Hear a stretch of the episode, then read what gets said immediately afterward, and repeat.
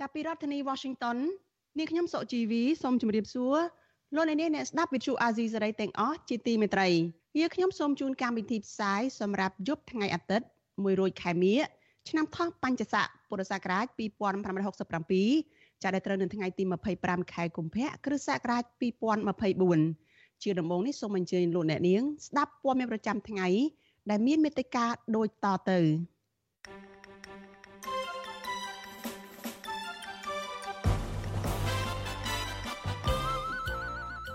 ការបោះឆ្នោតព្រឹទ្ធសភានៅថ្ងៃនេះពោពេញទៅដោយភាពចម្រូងចម្រាសគណៈកម្មការបោះឆ្នោតនៅខេត្តតាកែវសួរនាំក្រុមប្រឹក្សាឃុំបាក់ភ្លើងទៀនម្នាក់រឿងថតសន្លឹកឆ្នោតគតកោ Nagavel ធ្វើរូបទីងមងថៅកែក្រុមហ៊ុនទៀមទាដំណោះស្រាយការងារ ក្រុមហ៊ុនសន្តានារបស់អភិបាលរងខេត្តព្រះវិហារឈូសឆាយដីព្រៃសហគមន៍នៅខេត្តកំពង់ធំអស់ជិត1000ហិកតារួមនឹងព័ត៌មានសំខាន់សំខាន់មួយចំនួនទៀត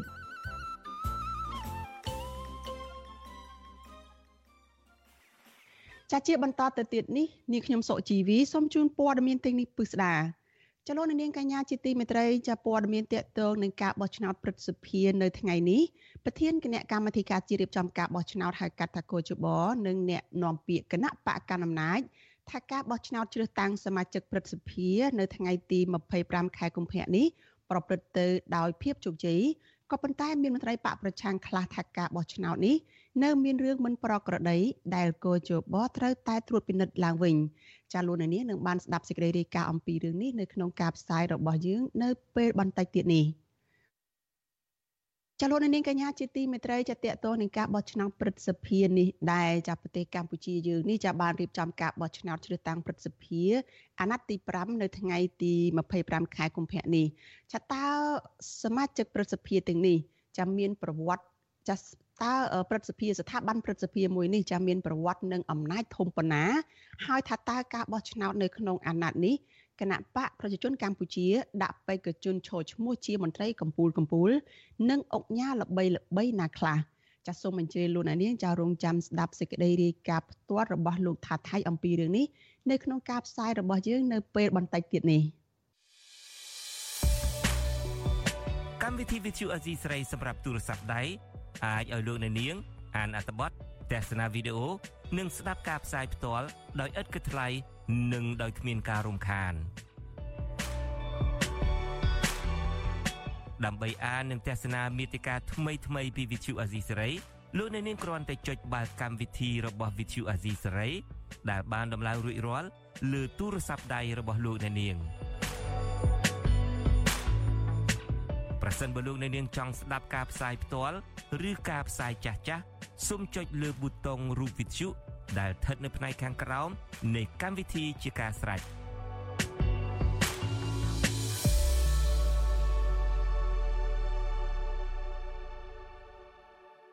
ចាលោកនាងកញ្ញាជាទីមេត្រីលោកអ្នកកំពុងស្ដាប់វិទ្យុអាស៊ីសេរីចាផ្សាយចេញពីរដ្ឋធានី Washington សហរដ្ឋអាមេរិក ចាយើងងាកចេញពីព័ត៌មានតកតនឹងការបោះឆ្នោតព្រឹទ្ធសភានេះបន្តិចចាដោយទៅមើលស្ថានភាពចារុករៀនព្រៃឈើនៅឯខេត្តព្រះវិហារឯណោះចាក្រុមហ៊ុនមួយដែលមានឈ្មោះថាសន្តានា Agro Product របស់អភិបាលខេត្តព្រះវិហារគឺលោកអុកកំសានចាអភិបាលរងខេត្តព្រះវិហារចាគឺលោកអុកកំសានកំពុងសំងំឈូសឆាយដីព្រៃសហគមន៍នៅឯតំបន់អូចិញ្ចៀននៅក្នុងខេត្តកំពង់ធំអស់ជិត1000ហិកតា ចាសហគមន៍ថាមន្ត្រីបរិស្ថាន គឺជាក្រុមការពារក្រុមហ៊ុនមួយនេះចាលោកមានរិទ្ធមានសេចក្តីរាយការណ៍អំពីរឿងនេះដីព្រៃសហគមន៍អូចិញ្ចៀនស្ថិតនៅក្នុងភូមិតពាំងព្រីងឃុំសាក្រៀមស្រុកប្រាសាទបាឡាំងខេត្តកំពង់ធំត្រូវបានក្រុមហ៊ុនសន្តានា Agro Products របស់អភិបាលរងខេត្តព្រះវិហារលោកអុកកំសានឈូសឆាយអស់ជិត1000ហិកតា ក្នុងចំណោមដីព្រៃជាង2000ហិកតា អនុប្រធានសហគមន៍អូចិញ្ចៀនលោកសានរីប្រាប់វិសុវអាស៊ីស្រីនៅថ្ងៃទី25ខែកុម្ភៈថាដីព្រៃសហគមន៍អូចិញ្ចៀនត្រូវបានក្រុមហ៊ុនសន្តានាឈូសឆាយអស់ជាច្រើនហិកតាដោយមិនឃើញអាជ្ញាធរភូមិឃុំចុះទៅទប់ស្កាត់ឬសួរនាំអ្វីនោះទេ ចំណែកឯប្រជាពលរដ្ឋមិនហ៊ានចុះទប់ស្កាត់ឡើយដោយសារតែក្រុមហ៊ុននេះមានមន្ត្រីបរិស្ថានជាអ្នកកាងការពារពីខាងក្រោយលោកបានថែមថាព្រៃនេះ អ្វីត្បិតតែជាដីព្រៃសហគមន៍ក៏ពិតមែនក៏ប៉ុន្តែនៅក្រោមការគ្រប់គ្រងរបស់ក្រសួងបរិស្ថានហើយតំណាងក្រុមហ៊ុនសន្តានាអះអាងថាពួកគេមានលិខិតស្នាមអនុញ្ញាតឲ្យឈូសឆាយអត់មានផងអត់ឃើញមានមកទប់ស្កាត់អីផងហ្នឹងហើយខ្ញុំថាបើមកមកមកឃើញមកបរិស្ថានតែមកបរិស្ថានឃើញមានធ្វើអីមកមានតែការពារឲ្យក្រុមហ៊ុនដែរវាស្នុបព្រីដើមឈើធំធំកាត់អស់ដូចស្ឌីបដូចជាបក់អីកាត់អស់ជាគេថាទម្រក់សត្វពីដីព្រៃបឹងព្រៃ ជុំវិញរឿងនេះ Visual Asia ស្រីមិនអាចសុំការអធិប្បាយពីក្រុមហ៊ុនសន្តានា Agro Products និងប្រធានមន្ទីរបរិស្ថានខេត្តកំពង់ធំ លោកតបកកដាបាននៅឡើយទេនៅថ្ងៃទី25ខែកុម្ភៈចំណែកមេឃុំសាក្រៀមលោកច័ន្ទសុផលទទួលស្គាល់ថាពិតជាមានការឈូសឆាយដីព្រៃសហគមន៍មួយនេះប្រកាសមែនក៏ប៉ុន្តែលោកថាក្រុមហ៊ុននិងសហគមន៍បានធ្វើលិខិតព្រមព្រៀងគ្នា ដើម្បីធ្វើការវិនិយោគដាំដើមអាកាសយ៉ានិងស្វាយចន្ទី ក្រុមហ៊ុនអឺអីគេនោះឯងគឺថាគេមួយសហគមន៍មានកងត្រាមួយវិនិយោគតាមអាកាសយ៉ាឬស្វាយចន្ទីអនុប្រធានសហគមន៍អូចិញ្ចៀនលោកសានរី បញ្ជាក់ថាលោកមិនបានដឹងច្បាស់អំពីកិច្ចព្រមព្រៀងវិនិយោគដាំដើមអាកាសយ៉ានិងដើមស្វាយចន្ទីនោះទេដោយសារតែបច្ចុប្បន្នប្រធានសហគមន៍កំពុងធ្វើការនៅប្រទេសថៃជុំវិញរឿងនេះសកម្មជនចលនាមេដាធម្មជាតិ លោកលីចន្ទរាវុធយល់ឃើញថាគ្មានភាពចាំបាច់នោះទេ ដែលត្រូវឈូសឆាយតំបន់ការពារធម្មជាតិហើយដាំដើមអាកាសយ៉ានិងស្វាយចន្ទីជំនួសដោយសារតែมันមានផលចំណេញអ្វីដល់ប្រជាពលរដ្ឋនោះឡើយលោកព្រួយបារម្ភថាធនធានធម្មជាតិនៅកម្ពុជានឹងបន្តបាត់បង់កាន់តែខ្លាំងឡើងហើយអ្នកដែលរងគ្រោះគឺជាប្រជាពលរដ្ឋចំណែកឯអ្នកមានលុយមានអំណាចមួយចំនួនតូចគឺជាអ្នកទទួលបានផលប្រយោជន៍ បារម្ភថាអនាគតទៅគឺកម្ពុជានឹងរលាយនៅធនធានធម្មជាតិរបស់ខ្លួនហើយអ្នកដែលរងផលប៉ះពាល់ហ្នឹងគឺកូនចៅខ្មែរយើងដែលអនាគតទៅគាត់នឹងមិនមានធនធានអ្វីគ្រប់គ្រាន់នៅក្នុងការប្រើប្រាស់ហើយដោយជារបៀបហើយក៏គាត់ត្រូវចំណាយលុយអស់រាប់រយលានដុល្លារដើម្បីស្ដារនៅប្រព័ន្ធអេកូឡូស៊ីឡើងវិញជាពិសេសប្រព័ន្ធអេកូឡូស៊ីដែលខូចទៅគឺនឹងមិនងាយនឹងស្ដារទេ ព្រៃសហគមន៍អូចិញ្ចៀនសម្បូរទៅដោយដើមឈើធំធំ និងជីវៈចម្រុះជាច្រើនប្រភេទព្រៃមួយនេះមានទីតាំងនៅជាប់ដែនជម្រកសត្វព្រៃបឹងពេខាងខេត្តកំពង់ធំ ដែលមានមន្ត្រីបរិស្ថានជាអ្នកគ្រប់គ្រងនិងការពារក៏ប៉ុន្តែបច្ចុប្បន្នត្រូវបានក្រុមហ៊ុនឯកជន កំពុងឈូសឆាយធ្វើជាកម្មសិទ្ធិកាលពីចុងឆ្នាំ2021 រដ្ឋាភិបាលបានផ្ដល់ដីសម្បត្តិសេដ្ឋកិច្ចជាង10000ហិកតា ស្ថិតនៅឃុំរមនីស្រុករវៀងខេត្តព្រះវិហារទៅឲ្យក្រុមហ៊ុនសន្តានា Agro Products របស់លោកអុកកំសានអតីតដៃស្ដាំរបស់លោកត្រីភិបដែលល្បីឈ្មោះខាងជួញដូរឈើដឹកយកទៅលក់នៅក្រៅប្រទេសជាពិសេសទៅប្រទេសវៀតណាមការផ្ដល់ដីសម្បត្តិសេដ្ឋកិច្ចនេះធ្វើឲ្យប៉ះពាល់ដល់ប្រិយសហគមន៍ដែនជំរកសត្វព្រៃបឹងពែ និងដីអាស្រ័យផលរបស់ប្រជាពលរដ្ឋរស់នៅឃុំរមនីស្រុករវៀងខេត្តព្រះវិហារហើយប្រជាពលរដ្ឋក៏បាត់បង់ទីកន្លែងដែលពួកគេចូលទៅអាស្រ័យផលផងដែរខ្ញុំបានមេរិត Visual C ស្រីពីរដ្ឋធានី Washington ចាលោកនាងកញ្ញាប្រិយមិត្តជាទីមេត្រីចាយើងងាកទៅព័ត៌មានតកតងនឹងការតវ៉ារបស់ក្រុមកោតក្រនៅ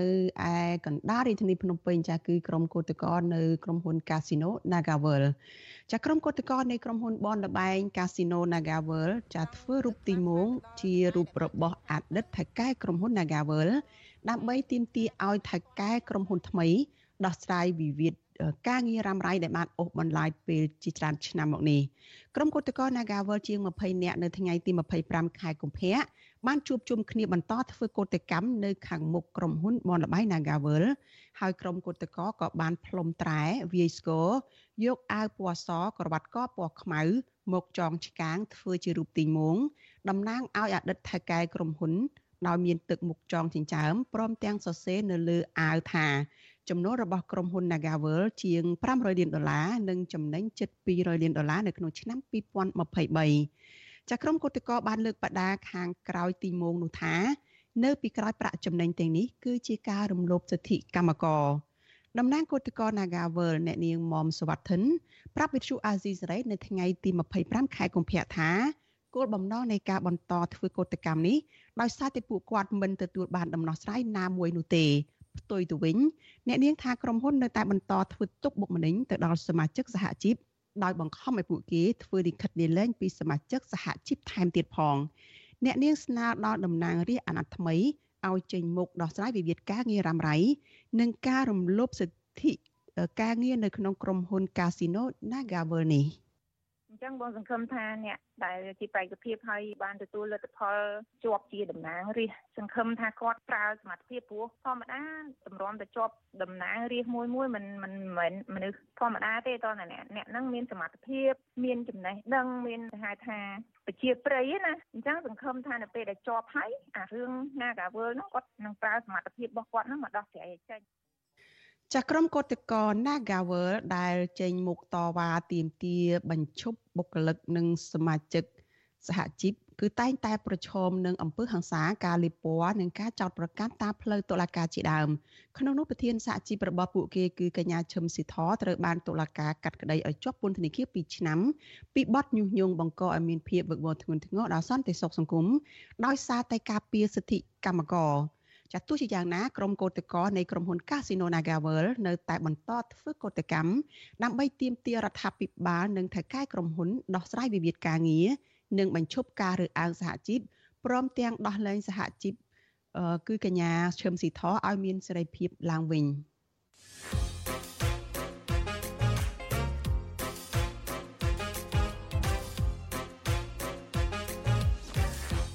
បាទលោកនាងកញ្ញាជាទីមេត្រីនៅក្នុងនីតិ podcast របស់អាស៊ីសេរីកម្ពុជាសប្តាហ៍នេះនេះយើងមានកិត្តិយសដែលយើងមានវាគ្មិនកិត្តិយសមួយអង្គគឺប្រដេជគុណបុត្របន្ទិញចូលរួមជាមួយយើងពីវត្តភ្នំសេរីនៅរដ្ឋ Massachusetts ខ្ញុំគិតថាមនុស្សនៅក្នុងស្រុកមួយចំនួនអឺមានជំរើសតិចប៉ុន្តែក៏អត់ត្រូវការអាចសាច់ជូនខ្លាចដែរបងក្នុងពេលនេះ វាអត់ត្រូវការអីផងហ្នឹងបើយើងអត់ចង់មានមុខយើងអត់ជាងមានមាត់យើងអត់ចង់យកអំណាចរបស់ខ្លួនហ្នឹងទៅទៅក្របដណ្ដប់ទៅទៅវាយប្រហារទៅលើអ្នកដតីណាក៏គាត់អត់ត្រូវការដែរអ្នកខ្លះអត់ត្រូវការទេអឺដូចថ្មីថ្មីនេះយើងដឹងហើយមានជនពីលម្នាក់ដែលជាអតីតអឺសមាជិកសភារបស់គណៈបកអឺសង្គ្រោះជាតិផងនៅសេអាឡែនៅស្រុកនេះអឺ រកការងារអត់បានធ្វើអឺ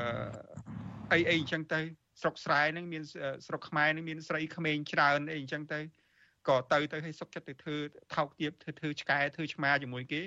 អាហ្នឹងហើយគាត់មិនមែនអាសាច់ជូលខ្លាទេពួកនេះចូលទៅរូងខ្លាដើម្បីស៊ីអាចខ្លាមានប៉ុណ្ណា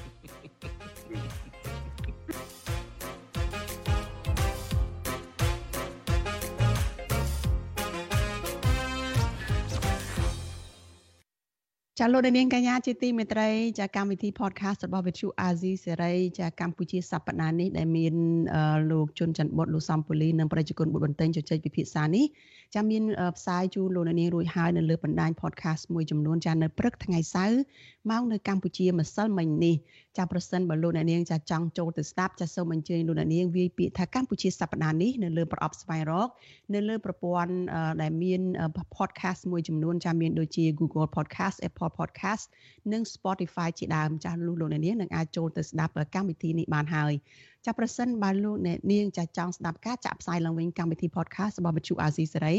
ចាសូមអញ្ជើញលោកអ្នកនាងចាចូលមកកម្មវិធីផ្សាយព័ត៌មានរបស់វិទ្យុអាស៊ីសេរីចាដែលយើងផ្សាយផ្ទាល់ចាប់ពីម៉ោង7កន្លះដល់ម៉ោង8កន្លះយប់ចានៅរៀងរាល់យប់ថ្ងៃច័ន្ទយើងនៅមានចាក់ផ្សាយកម្មវិធី podcast របស់វិទ្យុអាស៊ីសេរីចាកម្ពុជាសប្តាហ៍នេះឡើងវិញចាសូមអញ្ជើញលោកអ្នកនាងចាកុំភ្លេចរងចាំតាមដានកម្មវិធី podcast របស់វិទ្យុអាស៊ីសេរីនេះកុំបីខាន ចាលោកនាងកញ្ញាជាទីមេត្រីចាយើងងាកទៅព័ត៌មានតកតងនឹងមតិយោបល់របស់អ្នកប្រើប្រាស់បណ្ដាញសង្គមវិញម្ដងចាត់អ្នកសិល្បៈទាំងចាស់ទាំងថ្មីចាកំពុងប្រជែងគ្នា ធ្វើជាប្រធានសមាគមសិល្បៈចាដែលគេគ្រោងនឹងបោះឆ្នោតជ្រើសរើសនៅពេលឆាប់ឆាប់ខាងមុខនេះជាមួយគ្នានេះ អតីតនាយករដ្ឋមន្ត្រីគឺលោកហ៊ុនសែនក៏បានចូលទៅគាំទ្រលើបេក្ខជនមួយចំនួន ដែលគ្រងនឹងឈរឈ្មោះជាប្រធានសមាគមនៅមុនការបោះឆ្នោតមកដល់ប៉ុន្តែបេក្ខភាពដែលលោកហ៊ុនសែនគាំទ្រនោះរងការរិះគន់ជាច្រើនតើបេក្ខភាពណាមួយដែលមហាជននៅលើបណ្ដាញសង្គមរិះគន់នោះហើយថាតើហេតុអ្វីបានជាពួកគេរិះគន់និងមិនចង់ឲ្យឈរឈ្មោះឬឲ្យធ្វើជាប្រធានសមាគមសិល្បៈមួយនេះ ចាលោកសេបណ្ឌិតសូមដកស្រង់នៅទស្សនៈមតិឬក៏ comment មួយចំនួនជុំវិញរឿងនេះជូនលោកអ្នកនាងដូចតទៅលោកហ៊ុនសែនបានបដូរចិត្តភ្លាមភ្លាមពីការគ្រប់គ្រងលើបេក្ខជនឈរឈ្មោះជាប្រធានសមាគមសិល្បៈគឺលោកអុកញ៉ាលេងនវត្រាដោយងាកមកគាំទ្រលើបេក្ខជនថ្មីមួយទៀតគឺអ្នកស្រីម៉ៅចំណាន ឬគេស្គាល់ថាស្រីតូចំណាន ដែលជាភរិយារបស់អុកញ៉ាគិតមេង ការប្រកាសគាំទ្រនេះធ្វើឡើងបន្ទាប់ពីអ្នកស្រីម៉ៅចំណានឬស្រីតូចំណាន កាលពីថ្ងៃទី21កុម្ភៈប្រកាសចូលឈ្មោះឲ្យគេបោះឆ្នោតជាប្រធានសមាគមអ្នកសិល្បៈអាណត្តិថ្មី ឆ្នាំ2024នេះលោកហ៊ុនសែនបានសរសេរសារបញ្ជាក់នៅលើបណ្ដាញសង្គម Facebook ថាខ្ញុំសូមសម្ដែងនៅការគាំទ្រចំពោះបេក្ខភាពលោកជំទាវម៉ៅចំណានភរិយាអ្នកអង្គញាគិតមេងជាប្រធានសមាគមសិល្បៈ ប្រសិនបើលោកជំទាវទទួលបានការគាំទ្រតាមរយៈការបោះឆ្នោតសមាគមនេះមិនមានការលំបាកផ្នែកថវិកាខ្លាំងពេកនោះទេ អ្នកស្រីម៉ៅចំណានឬគេស្គាល់ថាស្រីតូចចំណាន ជាអតីតពិធីការនីដ៏មានប្រជាប្រិយភាពមួយរូបប្រចាំទូរទស្សន៍ប៉ុស្តិ៍លេខ5នៃកងយុទ្ធពលខេមរៈភូមិន្ទនៅមុនការគាំទ្រពេកភាពអ្នកស្រីម៉ៅចំណាននេះលោកហ៊ុនសែនបានគាំទ្រពេកភាពអ្នកអង្គញាលេងនវត្រាដោយរំពឹងថា ពេកភាពរូបនេះនឹងអាចធ្វើឲ្យលោកមានភាពកក់ក្ដៅក្នុងការដឹកនាំសមាគមសិល្បៈបានល្អដោយមិនជួបបញ្ហាលំបាកក្នុងការស្វែងរកថវិកាមកទ្រទ្រង់សមាគមមួយនេះក៏ប៉ុន្តែភ្លាមភ្លាមនោះលោកបានបដូរចិត្តទៅវិញការបដូរចិត្តនេះដោយសារតែមានការរិះគន់ផង និងសំណូមពរដ៏ច្រើនផង ដោយអ្នកខ្លះបានចូលទៅបញ្ចេញមតិដោយផ្ទាល់នៅលើទំព័រ Facebook របស់លោកហ៊ុនសែននិងអ្នកខ្លះទៀតបានកាត់យកមកបង្ហោះបន្តចែករំលែក ឬក៏ share នៅលើទំព័រ Facebook របស់ពួកគេរៀងៗខ្លួន ដោយសុំឲ្យលោកលេងនវត្រាទុកពេលសង់ផ្ទះសងអធិជនឲ្យរួចរាល់សិនចាំរត់ទៅជួយ អ្នកសមាគមសិល្បៈតកតទៅនឹងរឿងនេះម្ចាស់កេរនី Facebook មួយដាក់ឈ្មោះថាកាតុសុកចន្ទធីតាដែលគេស្គាល់ថាជាសិល្បៈកំ pl ែងជើងចាស់មួយរូបបានសរសេរនៅលើទំព័រ Facebook របស់ខ្លួននៅពេលថ្មីថ្មីនេះថាប៉ុន្មានថ្ងៃនេះក្នុងបណ្ដាញសង្គមមានរឿងរ៉ាវជាច្រើន អ្នកខ្លះចង់ធ្វើនេះ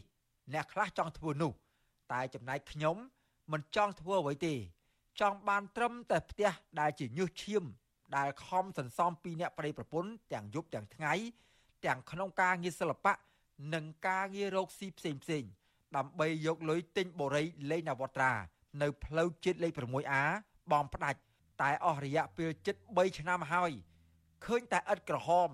បានពាក់កដាលនឹងឯងសួរគេដែរ គេថាឲ្យខ្ញុំយកយល់តើយកយល់ប្រហែលឆ្នាំទៀតអាតូចយល់អាធំ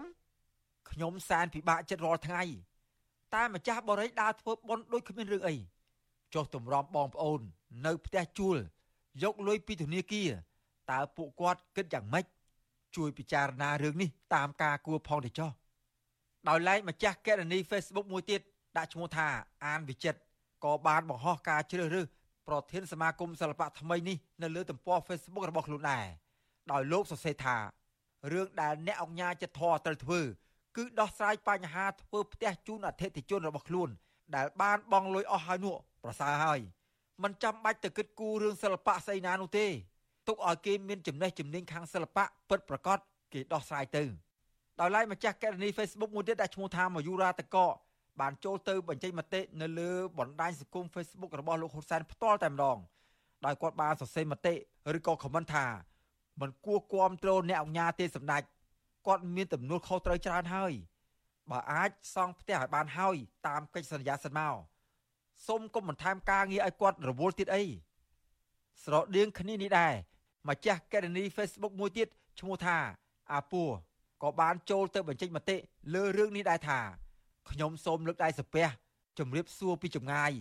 សូមសម្ដេចពុកដ៏ខ្ពង់ខ្ពស់ក្នុងចិត្តប្រជាជនគ្រប់គ្នា ជួយប្រដៅដាស់តឿនសតិគាត់ឲ្យសង់ផ្ទះឲ្យប្រជាជនផងបើគ្មានផ្ទះឲ្យនៅទេ គួរសងលុយមកវិញមកគ្រួសារខ្ញុំក៏ជាជនរងគ្រោះដែរដោយឡែកម្ចាស់កេរនី Facebook មួយទៀតឈ្មោះថាមករាខៀវបានបន្តដោយស្នើទៅលោកលេងនវត្រាថាសូមអ្នកអញ្ញា ជួយដោះស្រាយបញ្ហាជាប់គាំងការសាងសង់ផ្ទះល្វែងជាច្រើន ដែលមិនទាន់ធ្វើរួចរាល់ជូនអតិថិជនផង។ដែលជាគម្រោងផ្ទះល្វែងរបស់អ្នកអង្គការដើម្បីកុំឲ្យអតិថិជន ពួកគាត់ផ្ទុះការតវ៉ាជាសាធារណៈកាន់តែច្រើនអីសម្ដេចពុកនឹងគួរតែផ្ដល់ឱកាសដល់អ្នកសិល្បៈរៀមច្បង ដែលមានបទពិសោធន៍និងស័កសមជាងនេះតកតងនឹងសំណើរបស់ពលរដ្ឋបែបនេះ ដូចជាមិនទាន់ឃើញអ្នកអញ្ញាលេងនវត្រាឆ្លើយតបយ៉ាងណានៅឡើយទេរហូតមកទល់នឹងពេលនេះក៏ប៉ុន្តែលោកហ៊ុនសែនហាក់ឆ្លើយជំនួសលោកលេងនវត្រាតាមរយៈសាររបស់លោកនៅលើបណ្ដាញសង្គមលោកហ៊ុនសែនបានលើកឡើង3ចំណុចមកបញ្យល់ជុំវិញរឿងនេះដោយក្នុងនោះលោកលើកឡើងថា រវាងសិល្បៈនិងចំនួនមិនគួរផ្សារភ្ជាប់គ្នាទេខ្ញុំដឹងពីការយឺតយ៉ាវរបស់ក្រុមហ៊ុន ក្នុងការប្រគល់ផ្ទះដោយសារកប់ទុននៅលើដីចំនួនច្រើន តែក្រុមហ៊ុនមិនទាន់ខ្សែធន រហូតមិនអាចមកធ្វើជាប្រធានសមាគមឬក៏ជួយដល់សិល្បៈបាននោះទេលោកហ៊ុនសែនបន្តថាមិនតម្រូវថាតលតែចេះសិល្បៈទើបធ្វើជាប្រធានសមាគមសិល្បៈបាននោះទេលោកហ៊ុនសែននៅមានហេតុផលវែងអន្លាយថែមទៀតតែទោះយ៉ាងណា លោកសម្រេចថាដើម្បីងាយស្រួល លោកស្នើសុំឲ្យអ្នកអង្គការលេងនវត្រាដកបេក្ខភាពចេញសិន ដោយចាំពេលក្រោយក៏មិនយឺតពេកដែរ ខ្ញុំបាទសេកបណ្ឌិតវុទ្ធុអាស៊ីសេរីពីរដ្ឋធានីវ៉ាស៊ីនតោន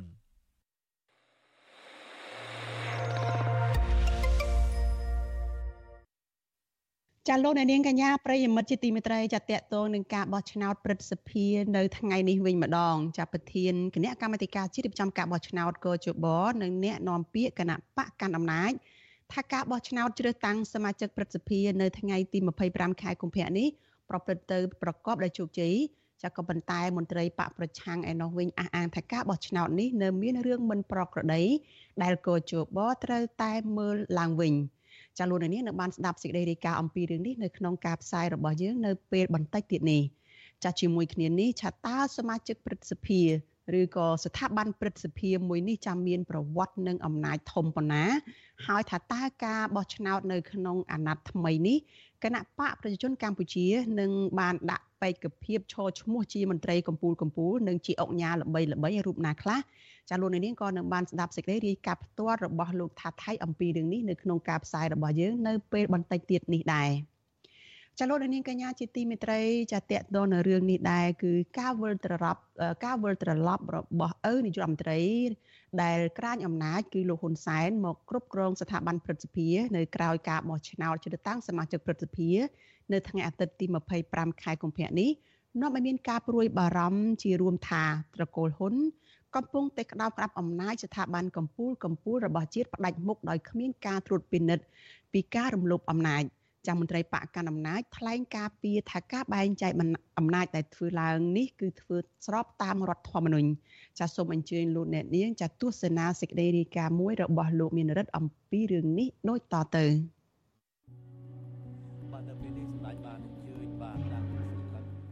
ការបោះឆ្នោតជ្រើសតាំងសមាជិកប្រសិទ្ធិអាណត្តិទី5ពេលនេះកំពុងក្លាយជាព្រឹត្តិការណ៍គួរឲ្យចាប់អារម្មណ៍នេះគឺដោយសារតែការបោះឆ្នោតនេះធ្វើឡើងដើម្បីធ្វើឲ្យស្របច្បាប់ និងបំពេញមហិច្ឆតាបន្តក្រាញអំណាចផ្ដាច់មុខគ្មានដែនកំណត់របស់អតីតនាយករដ្ឋមន្ត្រីហ៊ុនសែនដែលនឹងមកធ្វើជាប្រធានព្រឹទ្ធសភាជំនួសឲ្យលោកសាឈុំដោយដែលលោកធ្លាប់បានប្រកាសនៅមុនពេលផ្ទេរអំណាចឲ្យកូនប្រុសច្បងធ្វើជានាយករដ្ឋមន្ត្រីខែកុម្ភៈហើយ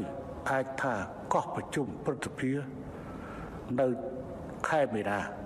ខ្ញុំប្រកាសណាខ្ញុំពេលនោះនឹងខ្លាយទៅជាប្រធានព្រឹទ្ធសភា នៃព្រះរាជាណាចក្រកម្ពុជាជំនួសសម្ដេចថៃឈុំដែលនឹងត្រូវឈប់នេះគឺជាការស្រស់ស្រួលហើយក៏បានទូលព្រះមហាក្សត្ររួចមកហើយផងដែរការវិវត្តថ្មីថ្មីនេះនឹងនាំឲ្យត្រកូលហ៊ុនអាចគ្រប់គ្រងអំណាចកម្ពុជាកម្ពុជារបស់ជាតិដោយចំហនិងគ្មានការលាក់លៀមតទៅទៀតឡើយ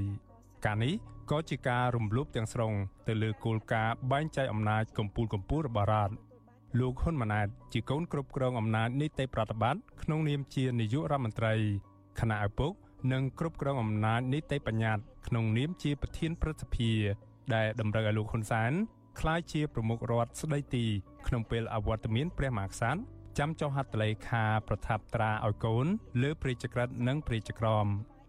ជុំវិញបញ្ហានេះអ្នកសិក្សាផ្នែកច្បាប់ លោកវ៉ុនចាន់ឡូតមើលឃើញថាស្ថាប័នកម្ពុជាកម្ពុជារបស់ជាតិ កំពុងត្រូវបានអ្នកនយោបាយយកមកបំរើឲ្យផលប្រយោជន៍បុគ្គលបពពួកនឹងគ្រួសារដែលជាការដើរបញ្ច្រាស់គោលការណ៍ប្រជាធិបតេយ្យហើយដូចយើងឃើញទាំងអស់គ្នាទាំងប្រព័ន្ធនីតិរដ្ឋទាំងប្រព័ន្ធតុលាការទាំងស្ថាប័នអាទិអាទិគឺត្រូវបានប្រើប្រាស់សម្រាប់ជាប្រយោជន៍របស់បុគ្គលមួយក្រុមឬក៏បកមួយបាទដូច្នេះហើយដែលចំណុចនេះដែល ដែលវាធ្វើឲ្យកម្ពុជា បានដើរប្រឆាចពីគន្លងប្រជាធិបតេយ្យបាទហើយដែលយើងឃើញថាទាំងការបោះឆ្នោត មានទាំងរដ្ឋសភាមានទាំងការបោះឆ្នោតផ្សេងៗអាទិអាទិហ្នឹងហាក់ដូចជាមិនបានអនុលោមទៅតាមក្រឹតក្រមឬក៏នីតិវិធី ដែលប្រជាពលរដ្ឋអាចប្រើប្រាស់នៅឆន្ទៈរបស់ខ្លួនបានដោយសេរីត្រឹមត្រូវមានការគូបច្ច័យមួយដោយសេរីត្រឹមត្រូវនិងយុត្តិធម៌ ឆ្លើយតបនឹងការរិះគន់នេះអ្នកនាំពាក្យគណៈបកប្រជាជនកម្ពុជា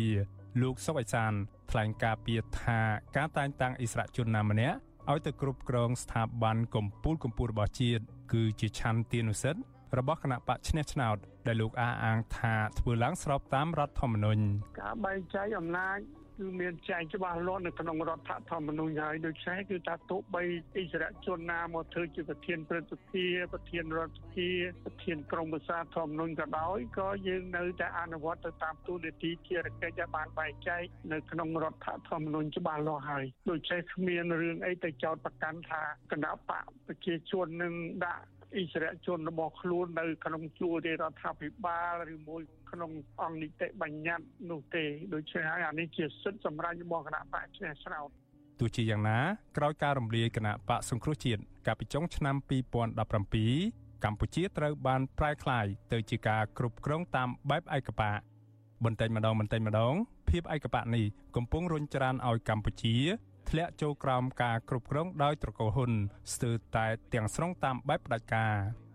អ្នកវិភាគនយោបាយលោកសេងសេរីមើលឃើញថាកត្តាមួយ ដែលនាំឲ្យលោកហ៊ុនសែនវិលមកច្បាមអំណាចបន្ថែមបែបនេះគឺដោយសារតែលោកហ៊ុនម៉ាណែតជាកូនប្រុសនៅទុនខ្សោយនៅឡើយក្នុងការគ្រប់គ្រងអំណាចជានាយករដ្ឋមន្ត្រី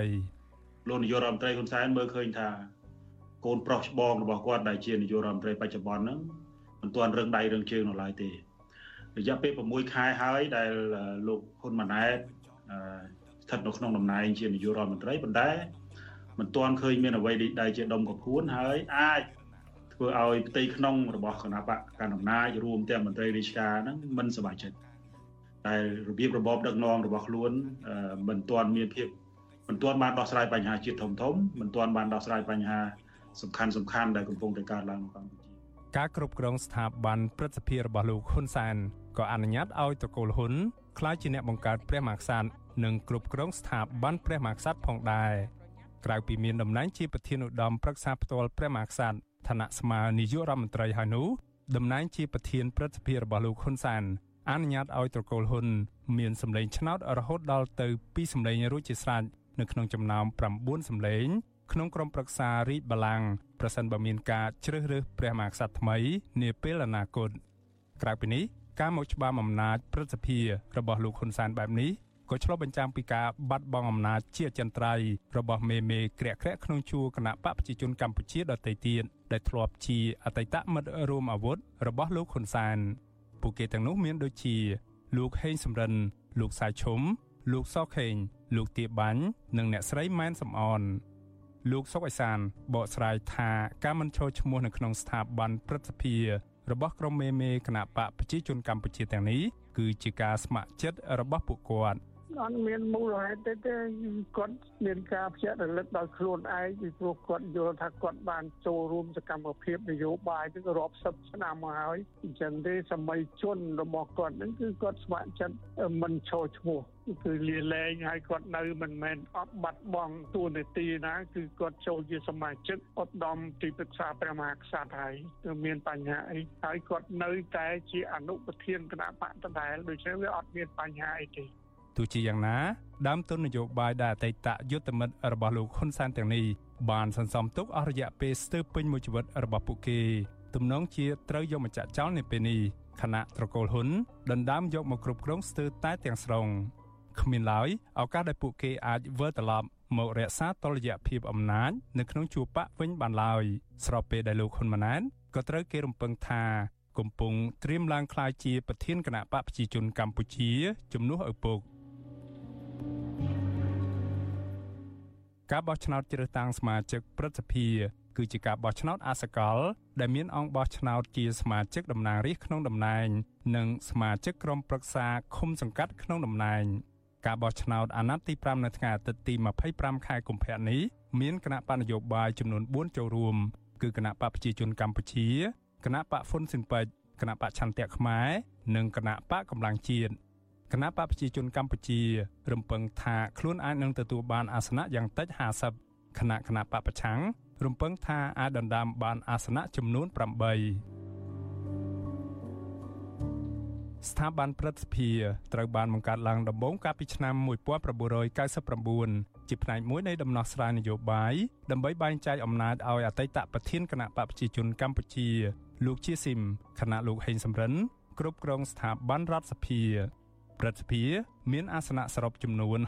62ក្នុងនោះ2អាសនៈតែងតាំងដោយស្ថាប័នព្រះមហាក្សត្រនិង2អាសនៈទៀតតែងតាំងដោយស្ថាប័នរដ្ឋសភាអាសនៈ58ទៀត ត្រូវធ្វើឡើងតាមរយៈការបោះឆ្នោតអសកល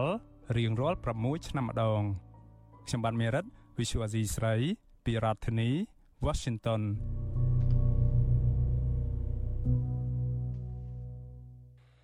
ចាលោកនាងកញ្ញាជាទីមេត្រីចាតកតនឹងការបោះឆ្នោតជ្រើសតាំងសមាជិកព្រឹទ្ធសភានេះចានៅពេលនេះគណៈកម្មាធិការជាតិប្រចាំការបោះឆ្នោតចាកំពុងតែ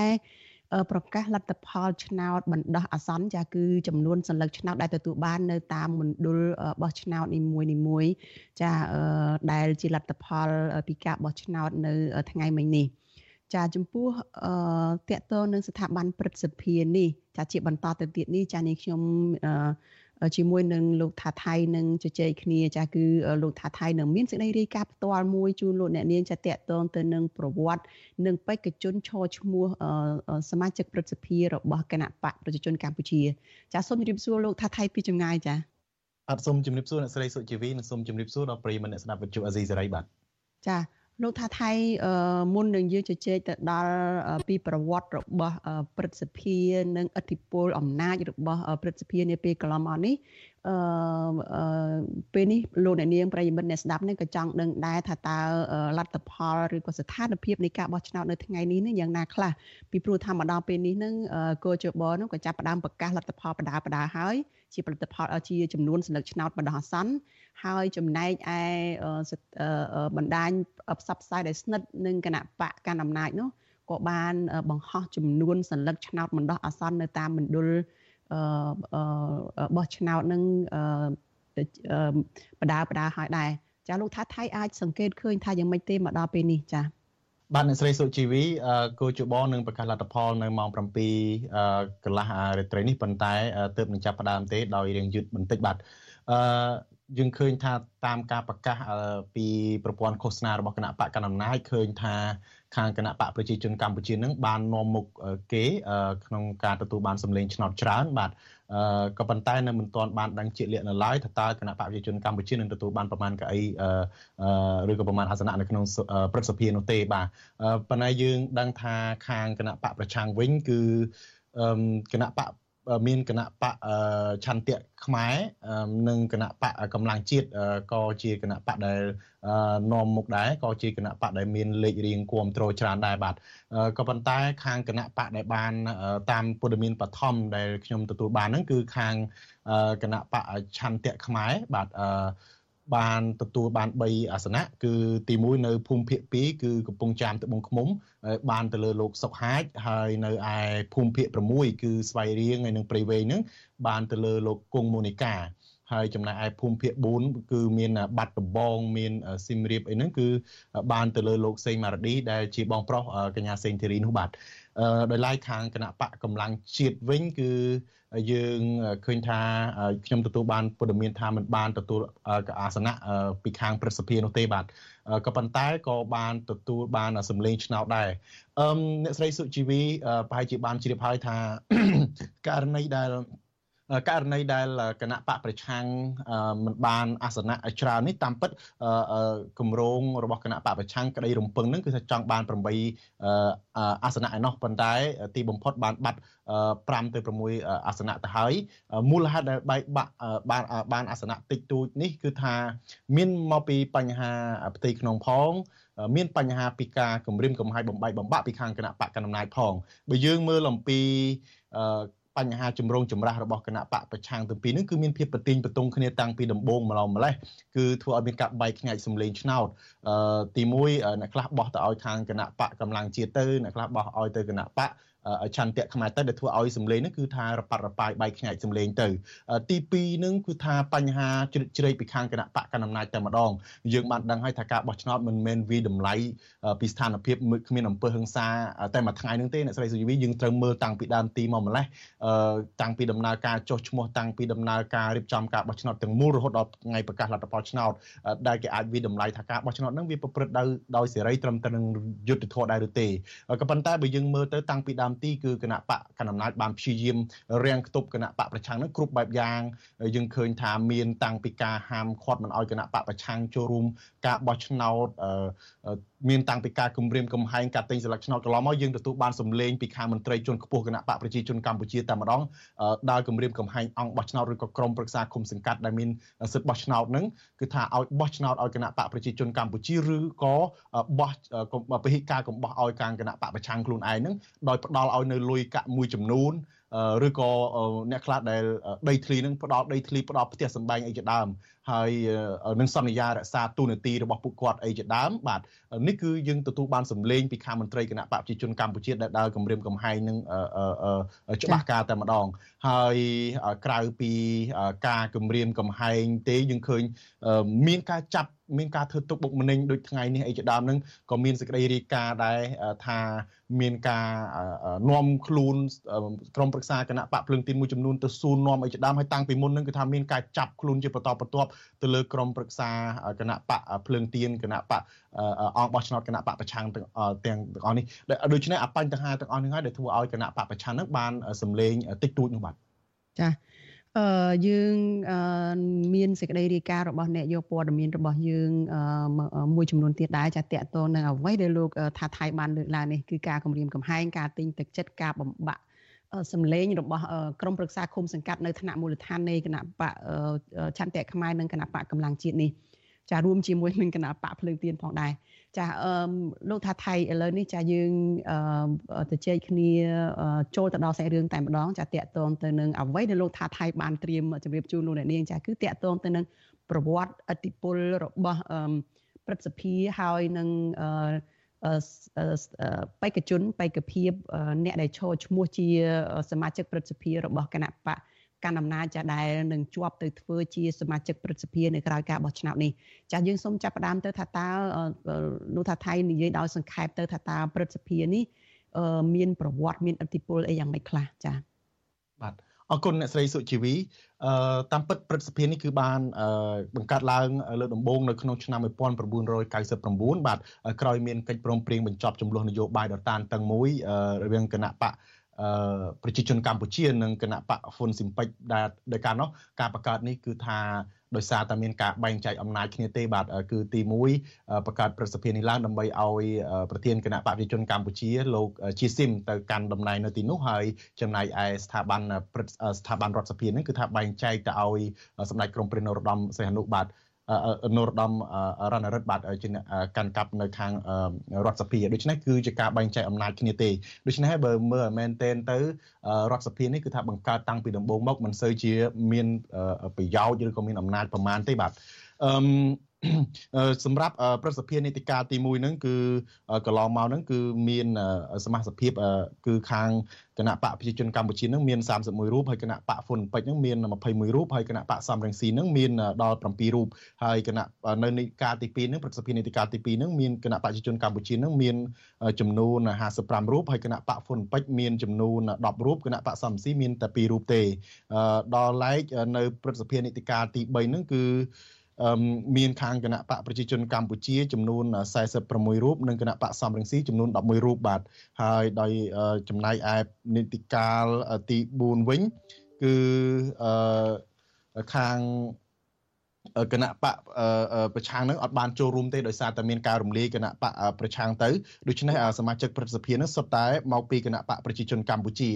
អឺហើយអាណត្តិនីតិកាលទី5នេះគឺថាមានការចូលរួមពីខាងគណៈបកភ្លើងទៀនក៏ប៉ុន្តែ មានការគណៈចូលរួមពីគណៈបកប្រឆាំងក៏ប៉ុន្តែក៏មានបញ្ហាជំរងចម្រាស់ដូចដែលយើងបានលើកឡើងមកយើងថាមានការប្រក្រាបមានការយីយីដែលធ្វើឲ្យគណៈបពប្រឆាំងនឹងទទួលបានអាសនៈតិចតួចអឺអ្នកស្រីសុជីវីបើនិយាយអំពីឥទ្ធិពលនិងអំណាចនោះគឺយើងឃើញថាគណៈបក ព្រឹទ្ធសភាសមាជិកព្រឹទ្ធសភានោះគឺថាយើងមើលឃើញថាមានតែប្រធានព្រឹទ្ធសភាមួយទេជាពិសេសគឺលោកហ៊ុនសែនដែលនឹងត្រៀមទៅកាន់អំណាចជាប្រធានព្រឹទ្ធសភាហ្នឹងគឺថាលោកនឹងមានអំណាចធំមួយដោយសារថាលោកអឺនឹងអាចជាคล้ายទៅជាប្រមុខរដ្ឋនៅពេលដែលអវត្តមានព្រះមហាក្សត្របាទហើយអំណាចរបស់លោកនឹងគឺនឹងធំទៀតដោយសារថាកូនរបស់លោកគឺជានាយករដ្ឋមន្ត្រីផង ចំណែកឯស្ថាប័នព្រឹទ្ធសភាទាំងមូលគឺមិនសូវជាមានអំណាចហ្នឹងដោយសារថា ស្ថាប័នព្រឹទ្ធសភាមានទូនាទីជាអ្នកត្រួតពិនិត្យច្បាប់របស់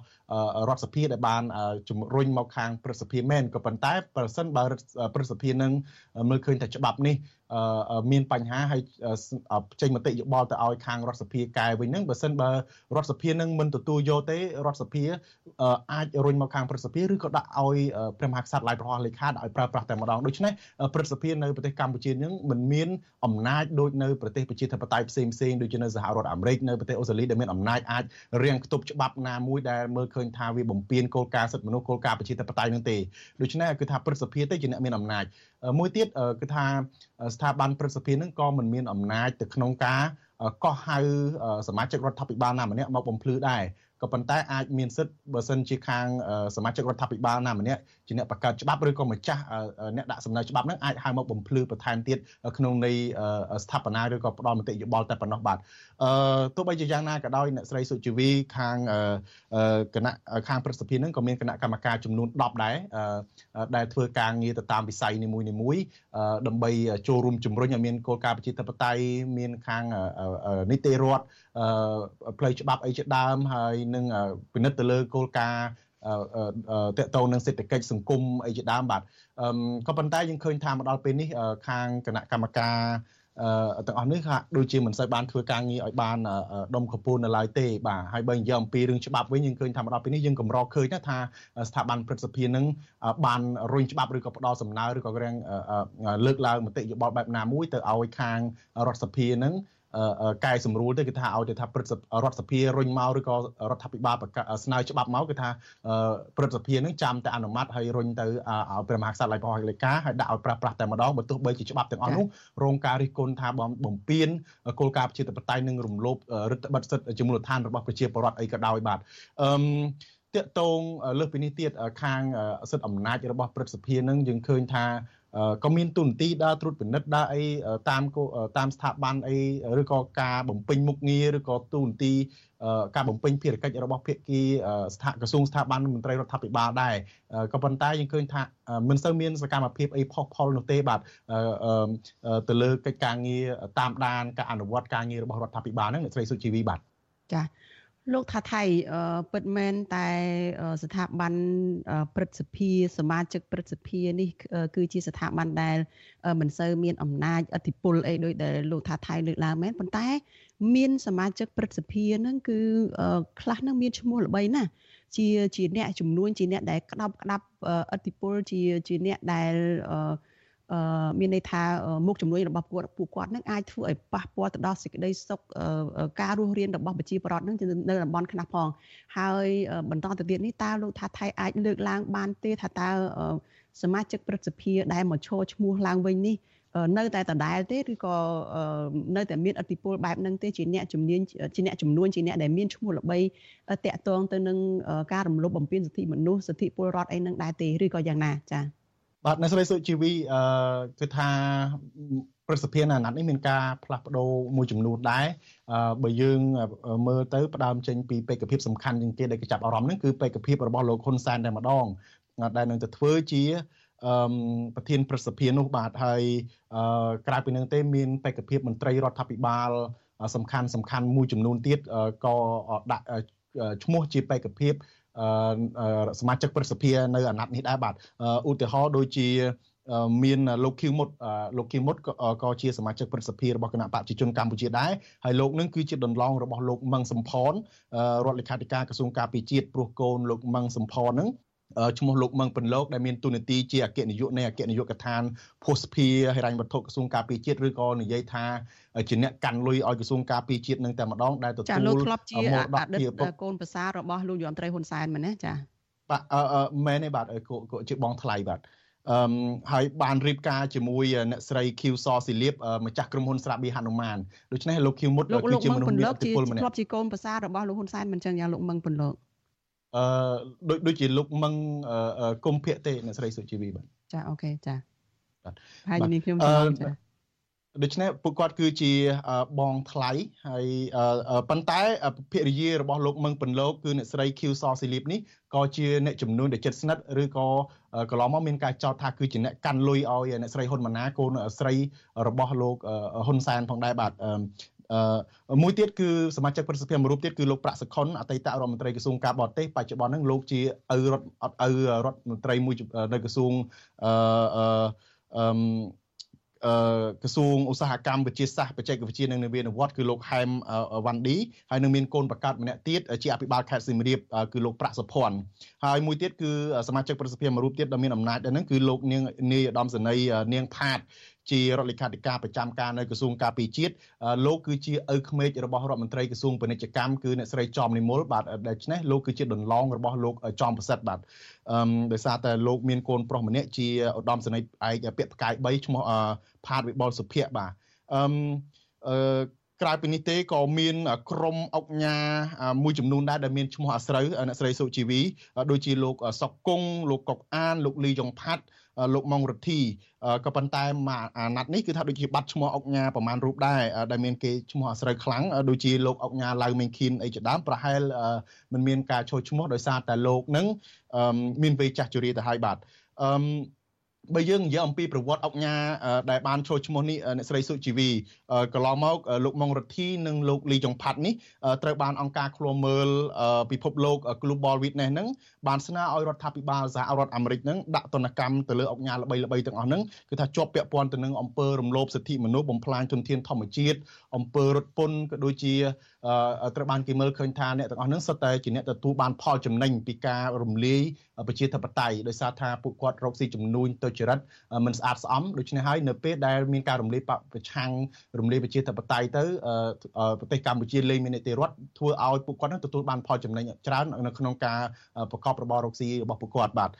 អង្គការឃ្លាំមើលក៏បានលើកឡើងចំចំថាលោកម៉ុងរទ្ធីនឹងក្រុមហ៊ុនរបស់គាត់នឹងគឺ មានការបូមខ្សាច់ដល់កក្រើកដែលមានទំហំទឹកប្រាក់រាប់លានដុល្លារហើយមិនតែប៉ុណ្ណោះអង្គការនឹងបានបើកកកាយរឿងចាស់របស់គាត់តាក់ទងទៅនឹងការរត់ពន្ធកឆាចំនួន7តោនតាមកំផែកំពង់សោមនៅឆ្នាំ1997ហើយករណីនេះត្រូវបានលោកហ៊ុនសែនចេញមុខកាងការពារយ៉ាងដាច់ខាតថាបើសិនជាអ្នកណាហ៊ានចាប់ម៉ងរទ្ធីនឹងគឺថារឿងរត់ពន្ធកឆាខុសច្បាប់នឹងគឺថាតលតែយកក្បាលនឹងដាក់ប៉ាន់ប៉ាន់ដែកតែម្ដងបាទចំណែកឯលោកលីយ៉ុងផាត់វិញអ្នកស្រីសុជីវីគឺថាគឺជាម្ចាស់បនលបែងដ៏ធំនិងជាម្ចាស់ក្រុមហ៊ុនទូរទស្សន៍ PNN ហើយក្រុមហ៊ុនមួយចំនួនរបស់លោកនឹងទទួលបានដីសម្បត្តិសេដ្ឋកិច្ចពីលោកហ៊ុនសែនតែម្ដងដែលមានរយៈពេលកាន់កាប់នឹងដល់ទៅដល់ទៅ99ឆ្នាំបាទអឺក្នុងនឹងគឺថាគេរកឃើញថាទំហំដីសម្បត្តិនឹងមាន60000ហិកតាជិត60000ហិកតាបាទហើយក្រុមហ៊ុនរបស់គាត់ស្កអំពើនៅខេត្តកោះកុងនឹងគឺថា ធ្វើឲ្យពលប្រជាពលរដ្ឋខ្មែរនឹងរងគ្រោះរាប់ពាន់គ្រួសារត្រូវអស់ដីអស់ផ្ទះសម្បែងដោយសារតែការបណ្តេញចេញដោយបខំហើយលោកកុកអានវិញក៏ដូចគ្នាដែរអ្នកស្រីសុជីវីលោកអង្ញាកុកអានដែលជាសមាជិកសភារបស់គណៈបព្វជិជនកម្ពុជានឹងក៏មានឈ្មោះអាស្រូវដែរលោកក៏ជាម្ចាស់ក្រុមហ៊ុនបនលបែងម្ចាស់សថាគារកាស៊ីណូនិងផលិតទឹកសុទ្ធហើយនឹងផ្គត់ផ្គង់អគិសនីអីជាដើមដែលក្រុមហ៊ុនរបស់គាត់ធំនឹងគឺក្រុមហ៊ុនអាន់ខូគ្រប់បាទអឺអ្នកស្រីសុជីវីអុកញ៉ារូបនឹងគឺថាមានប្រវត្តិច្រើនណាស់នៅក្នុងការដែលបើកក្រុមហ៊ុនម្ដងម្ដងនឹងគឺថាមានបញ្ហាវិវាទដីធ្លីជាមួយអ្នកស្រុកអ្នកភូមិនៅតាមខេត្តជាច្រើនហើយមានការបូមទឹកស្អុយនឹងពលិចផ្ទះអ្នកភូមិអីជាដើមដូចជានៅខេត្តបរសៃអនុនៅខេត្តឧត្តរមាននៅខេត្តប្រទីមានជ័យអីជាដើមហើយក្រៅពីនឹងមានរឿងអាស្រូវធំមែនទែនហ្នឹងដែលក៏ក្រៅកាលពីឆ្នាំ2022ហ្នឹងគឺខាងសារព័ត៌មានអន្តរជាតិអាល់ចាសេរ៉ាបានរកឃើញថាកាស៊ីណូរបស់លោកអឺកុកអាននឹងឯងគឺជាកន្លែងដែលយកមនុស្សទៅឃុំឃាំងរាប់ពាន់នាក់ ទាំងនៅខេត្តបរសៃហនុទាំងនៅខេត្តនៅទីក្រុងប៉ោយប៉ែតជាដើមដែលពាក់ព័ន្ធទៅនឹងការគុំឃាំងមនុស្សដើម្បីធ្វើទរណកម្មឲ្យធ្វើការងារឆោបបោកនៅតាមបណ្ដាញអ៊ីនធឺណិតបាទអឺក្រៅពីនឹងទេលោកសុកគង់ក៏ជាម្ចាស់ក្រុមហ៊ុនកាស៊ីណូរកស៊ីនាំចូលប្រេងសាំងបើករោងចក្រកាត់ដេរជាដើមហើយនឹងកន្លងមកគឺជាមនុស្សម្នាក់ដែលលក់សម្បត្តិឲ្យភ្ញៀវទេសនានៅក្នុងប្រាសាទអង្គរវត្តនោះបាទ ក្រុមហ៊ុនឥឡូវនេះលោកក៏មានសិទ្ធិអំណាចគ្រប់គ្រងឧស្សាហជាតិភ្នំបូកគោទាំងមូលអឺដែលយកឧស្សាហជាតិរបស់ព្រះមហាក្សត្រដែលបានដាក់បញ្ចូលនៅក្នុងច្បាប់ហ្នឹងយកទៅអភិវឌ្ឍដើម្បីផលប្រយោជន៍ក្រុមហ៊ុនរបស់លោកបំផ្លាញធនធានធម្មជាតិបំផ្លាញសម្បត្តិខ្មែរនៅលើភ្នំបូកគោហ្នឹងបាទហើយក៏មានប្រវត្តិរឿងដីធ្លីអីអីហ្នឹងគឺជាមួយអ្នកស្រុកអ្នកភូមិច្រើនណាស់បាទក្រុមអង្គការទាំងអស់នេះបាទចា៎ ក្រុមហ៊ុនរបស់អង្គការដែលគ្រប់គ្រងតំបន់ OCIC នោះក៏ជាកន្លែងដែលរំលោភសិទ្ធិមនុស្សសិទ្ធិពលរដ្ឋដែរចាលោកថាថៃតើគណៈបកកណ្ដាលអំណាចជាពិសេសលោកហ៊ុនសែននឹងបានចំណេញអីខ្លះពីសមាជិកប្រសិទ្ធិឬក៏អង្គការក្រាក់ក្រាក់អស់នេះចា៎ បាទអ្នកស្រីជុតជីវីតាមពិតគណៈបកប្រជាជនកម្ពុជាបានប្រកាន់យកវប្បធម៌មួយឯងជួយអញអញជួយឯងមានន័យថា ក្រុមអង្គការទាំងអស់នេះក៏ជួយគណៈបកប្រជាជនកម្ពុជាដែរដូច្នេះហើយបានដាក់បញ្ចូលក្រុមអង្គការទាំងអស់នេះចូលជាសមាជិកព្រឹទ្ធសភាឬក៏ជាមនុស្សដែលមានអំណាចចូលមានទូនាទីសំខាន់សំខាន់នៅក្នុងជួររដ្ឋាភិបាលឬក៏អ្នកខ្លះហ្នឹងគឺជាទីប្រឹក្សារបស់លោកហ៊ុនសែនផ្ទាល់ទៀតផង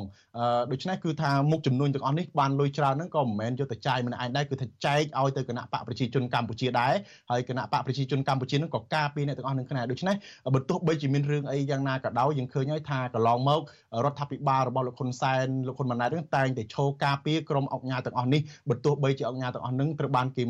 ល្បីឈ្មោះរហូតដល់អន្តរជាតិថាជាមនុស្សដែលរំលោភច្បាប់ពុករលួយបំផ្លាញទុនធានធម្មជាតិរំលោភសិទ្ធិពលរដ្ឋខ្មែរអីជាដើមដូច្នេះគឺថា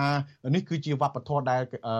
គណៈបកប្រជាជនកម្ពុជានឹងទទួលបានផលចំណេញពីការដែលក្រុមអង្គការទាំងអស់នេះផ្ដល់ផលប្រយោជន៍ឲ្យហើយក្រុមអង្គការទាំងអស់នេះក៏ជាអ្នកដែលទទួលបានផលប្រយោជន៍ពីការដឹកនាំរបៀបរបស់លោកហ៊ុនសែនបច្ចុប្បន្ននេះដែរបាទនៅក្នុងគណៈបកប្រជាជនកម្ពុជាគេតែងតែនិយាយលេងសើចថា នៅក្នុងការក្រមការគ្រប់គ្រងរបស់លោកហ៊ុនសែនប្រសិនបើពួកគេ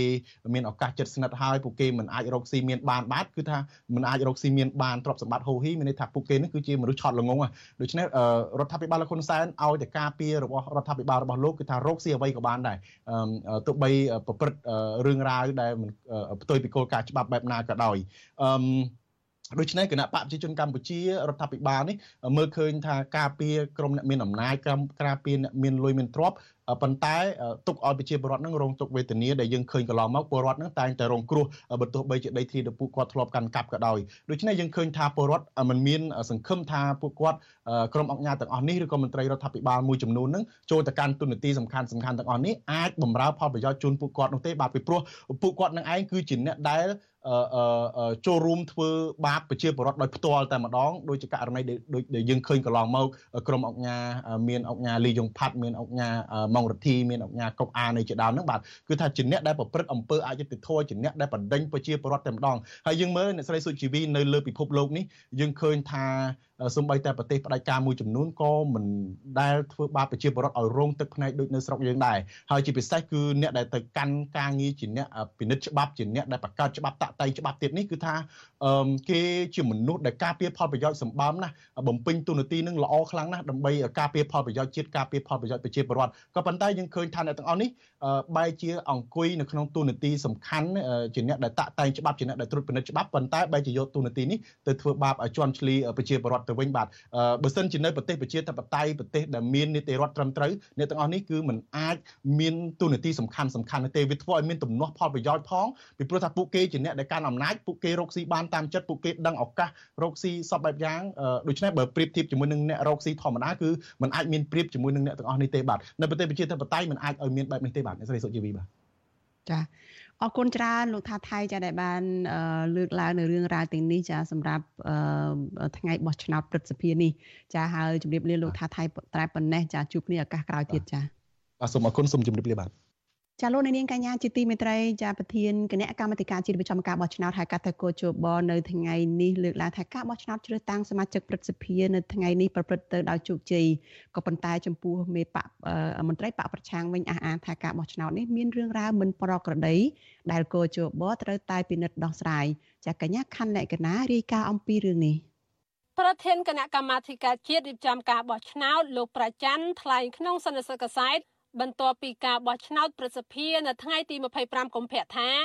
ការិយាល័យបោះឆ្នោតទាំង33នៃ8ភូមិភាគនៅទូទាំងប្រទេសចាប់ផ្ដើមបើកពីម៉ោង7ព្រឹកនិងចប់ទាំងស្រុងនៅម៉ោង3រសៀលដោយមានអ្នកទៅបោះឆ្នោតសរុបចំនួន11730នាក់ស្មើនឹង99.86%នៃចំនួនអង្គបោះឆ្នោតសរុប11747នាក់ លោកប្រាច័ន្ទថាលទ្ធផលបឋមបណ្ដោះអាសន្ននឹងប្រកាសនៅយប់ថ្ងៃទី25កុម្ភៈនេះចាប់ពីម៉ោង7:30នាទី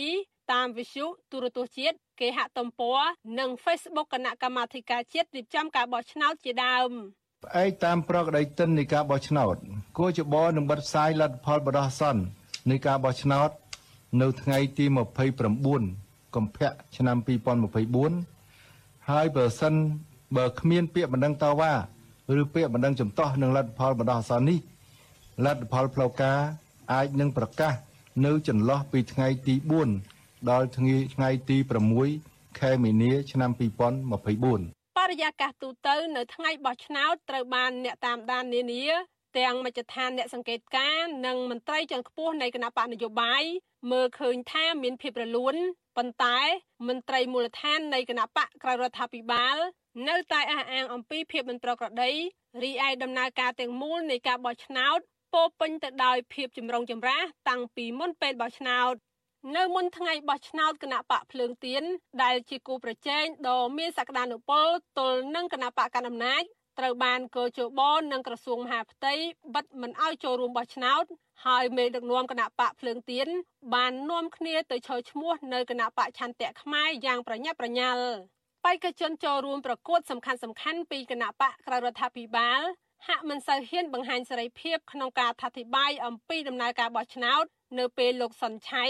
ដែលជាបេក្ខជនលេខរៀងទី1នៃគណៈបកឆន្ទៈខ្មែរត្រូវជាប់បណ្ដឹងនៅតុលាការដែលប្តឹងដោយគណៈបកប្រជាជនកម្ពុជា និងគណៈកម្មាធិការជាតិរៀបចំការបោះឆ្នោតហើយនៅមុនការបោះឆ្នោតប្រសិទ្ធភាពលោកហ៊ុនសែនប្រធានគណៈបកប្រជាជនកម្ពុជាប្រកាសមិនលើកលែងចំពោះករណីលោកសុនឆៃទៀត